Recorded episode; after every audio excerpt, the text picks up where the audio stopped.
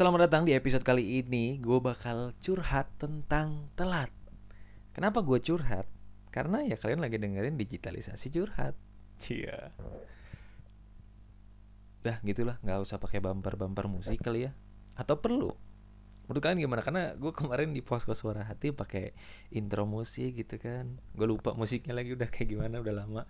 Cuman di digitalisasi curhat kayaknya langsung aja deh uh, namanya juga berubah. Kenapa jadi digitalisasi curhat bukan lagi posko suara hati? Karena pertama, gue ngerasa posko suara hati secara harfiah namanya gue harus jadi posko dari banyak orang gitu, harus menyelamatkan suara hati banyak orang.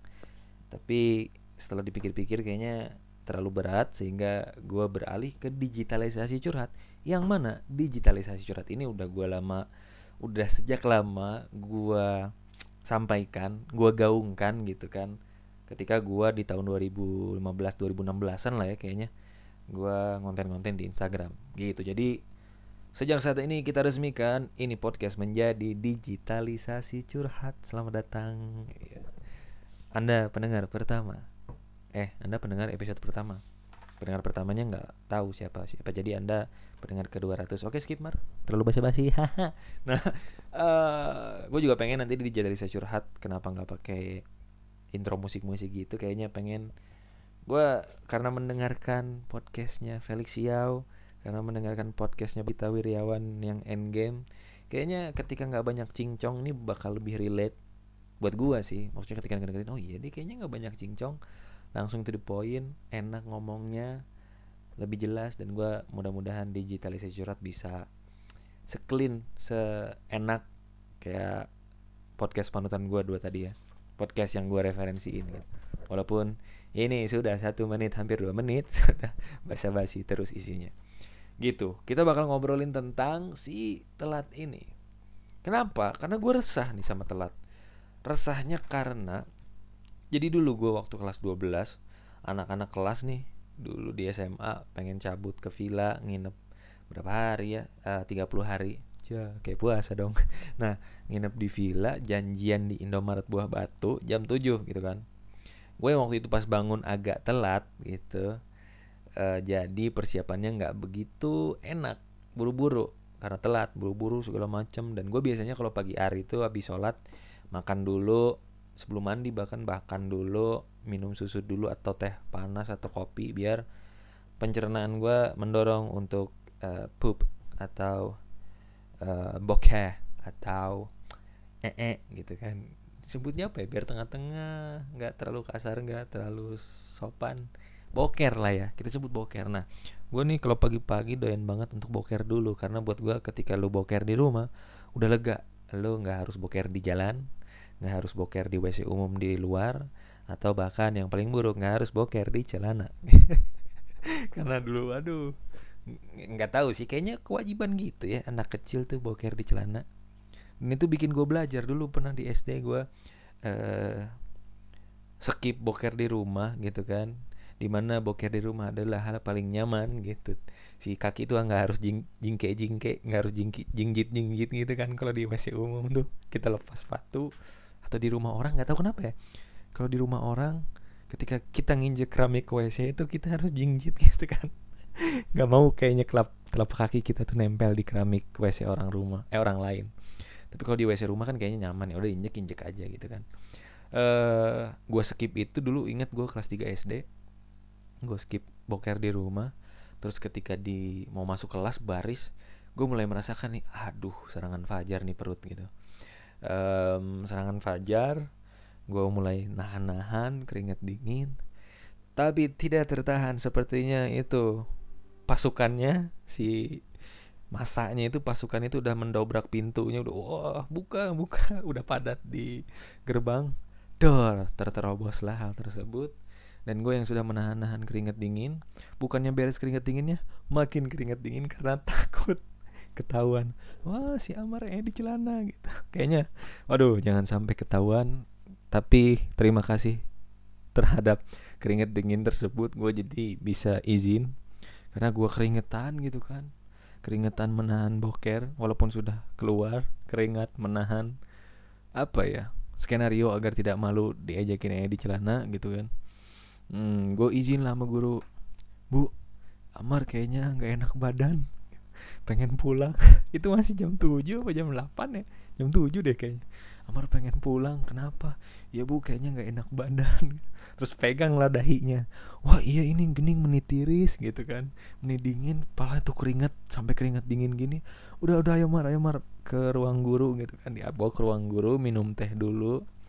Tapi ketika duduk di ruang guru nih aku agak apa namanya pantatnya jangan sampai terlalu menekan gitu. Nanti kalau terlalu menekan buar ambiar dan semakin ke mana-mana gitu jadi tangan tuh agak nahan-nahan jangan sampai duduknya terlalu nyaman nanti benyek.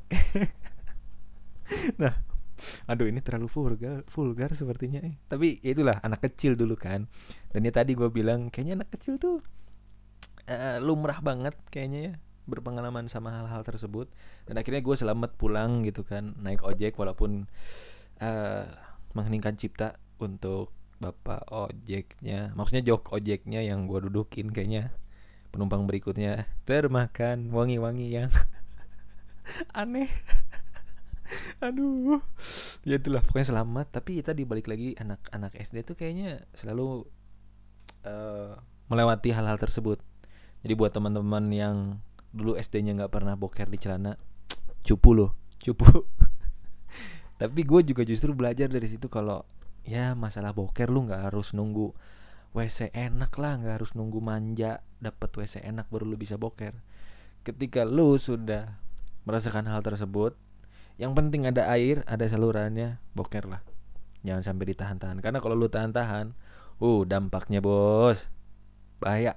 Bahaya ke diri lu gitu kan nempel-nempel lengket-lengket gitu. Atau bahkan menzolimi orang di sekitar. Nanti orang-orang merasa bau cukup mar. Sudah di situ saja bicara tentang bokernya terlalu panjang. Tapi ya itu gara-gara gue buru-buru gitu kan nggak sempat boker di rumah akhirnya karena gue menghargai waktu pengen datang jam 7 dan jam 7 bisa langsung berangkat ke villa cabutlah. Nyampe tempat Indomaret tuh di Buah Batu tidak ada satupun teman. Wah.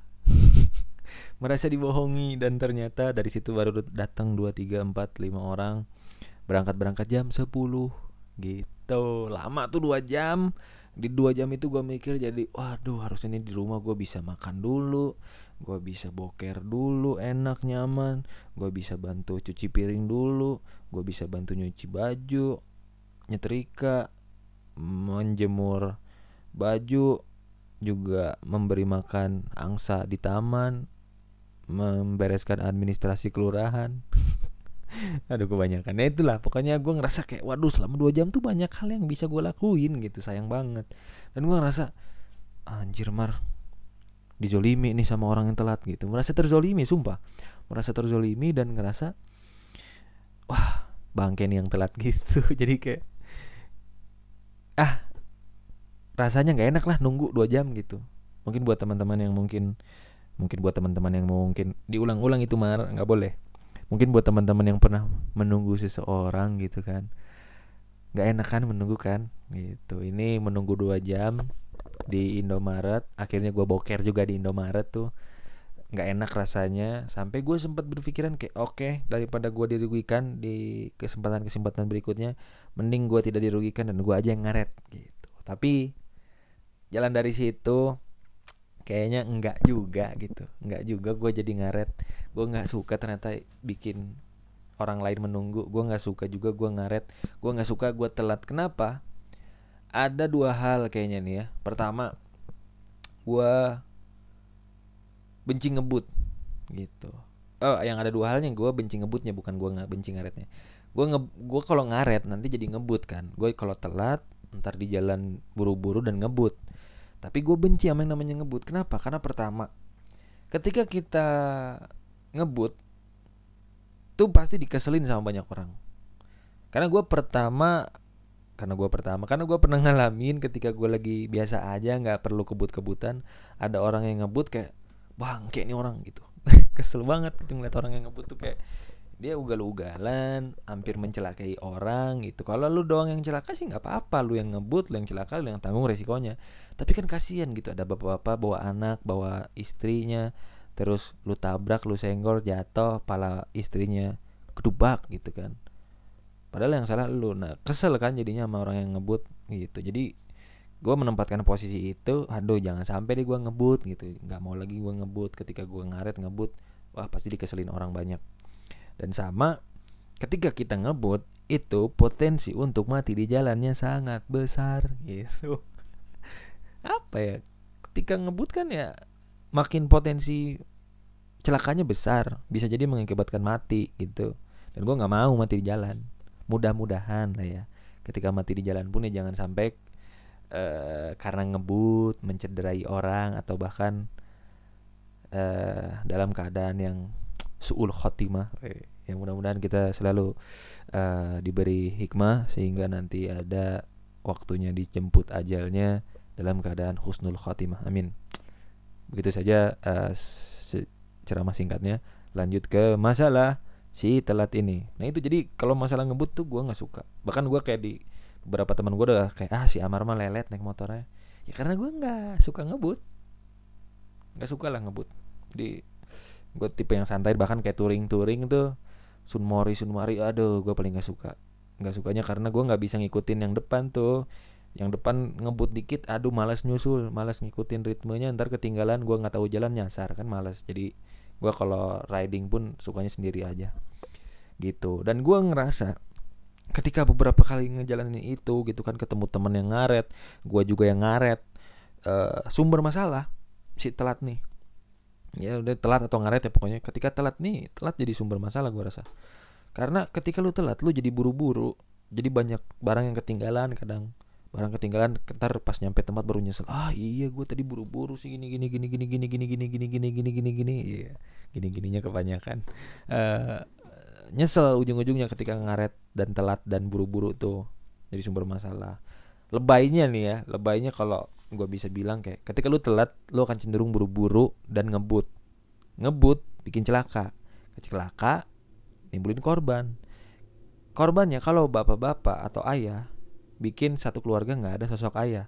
Ketika nggak ada sosok ayah itu bisa jadi bikin anaknya stres.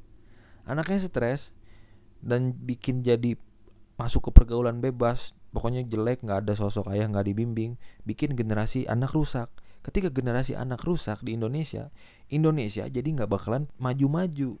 Jadi ketika lu telat sama dengan lu menghambat kemajuan negara kesatuan Republik Indonesia masih mau telat? Hmm. itu lebay lebaynya buat gue kayak wah ini telat nih sumber masalah gitu. Jangan sampai lah masih ada orang-orang yang telat telat telat telat telat telat telat telat, telat ya gitu karena menzolimi banyak orang karena setelah ini sumber masalah jadi jangan sampai dianggap sepele. Terus karena keresahan itu juga kemarin gue bikin satu konten yang namanya dongeng sebelum tidur.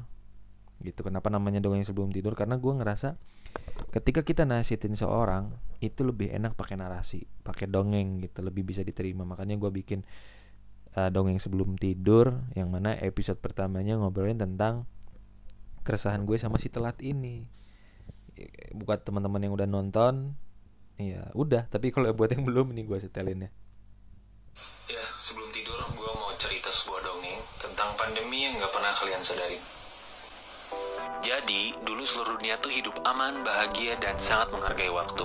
Sampai akhirnya, sebuah virus dibawa oleh seorang pemuda bernama Peter Parkour. Jadi si Peter ini digigit siput waktu lagi ke KM di sebuah desa. Gigitan siput itu berdampak sama kebiasaan si Peter kalau berangkat ke sebuah tempat. Dia jadi tiba-tiba lamban dan berleha-leha kayak siput. Jadinya ia nggak menghargai waktu dan selalu telat. Janjian jam 8 baru nyampe lokasi jam 10. Setelah diteliti, ternyata penyakit ini disebabkan oleh virus dari gigitan siput yang diberi nama Normalized Giving a Ridiculous Exit Time atau disebut ngaret.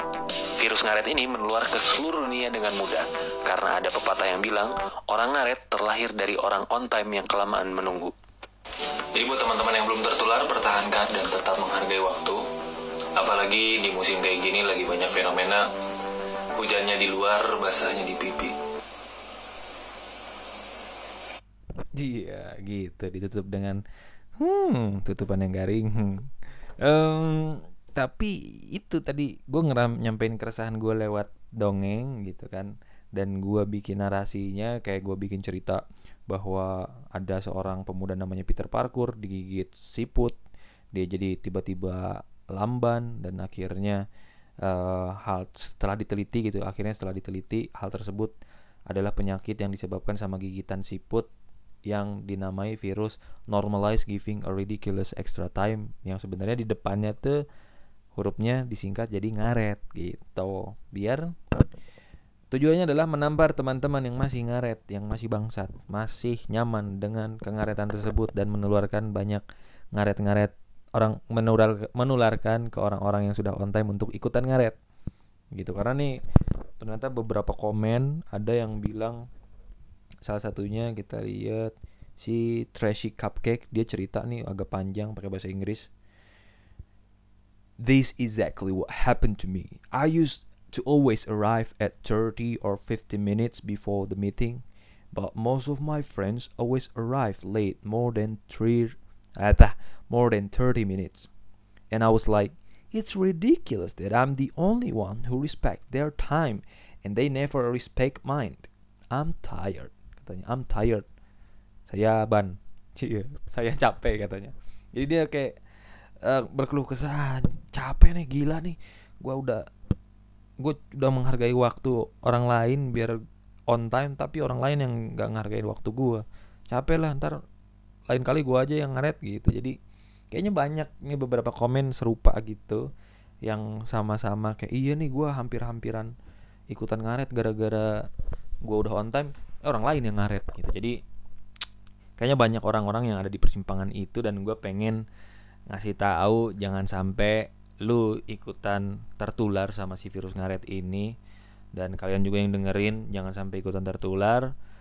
Juga salut buat teman-teman yang dari awal sudah punya prinsip terus menghargai waktu walaupun di lingkungan kita sepertinya susah untuk uh, apa ya banyak cobaan ketikanya kita udah on time pasti banyak aja yang ngaret. Gitu aja paling. Sampai jumpa di episode berikutnya tentang curahan hati gue atau mungkin teman-teman ada yang mau mencurahkan isi hatinya boleh DM di Instagram @as underscore Juna atau di TikTok. Mungkin nanti di TikTok juga gue uh, di kolom komentar kalian kalau mau tanya-tanya boleh. Nanti pertanyaannya gue bahas di podcast.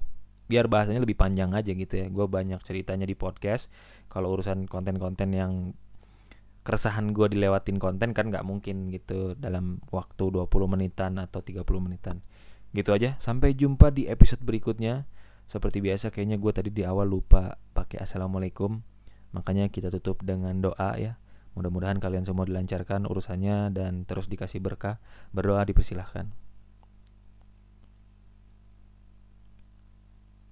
Berdoa dicukupkan. Terima kasih yang udah ikutan doa ya. Kita tutup. Terima kasih. Wassalamualaikum warahmatullahi wabarakatuh.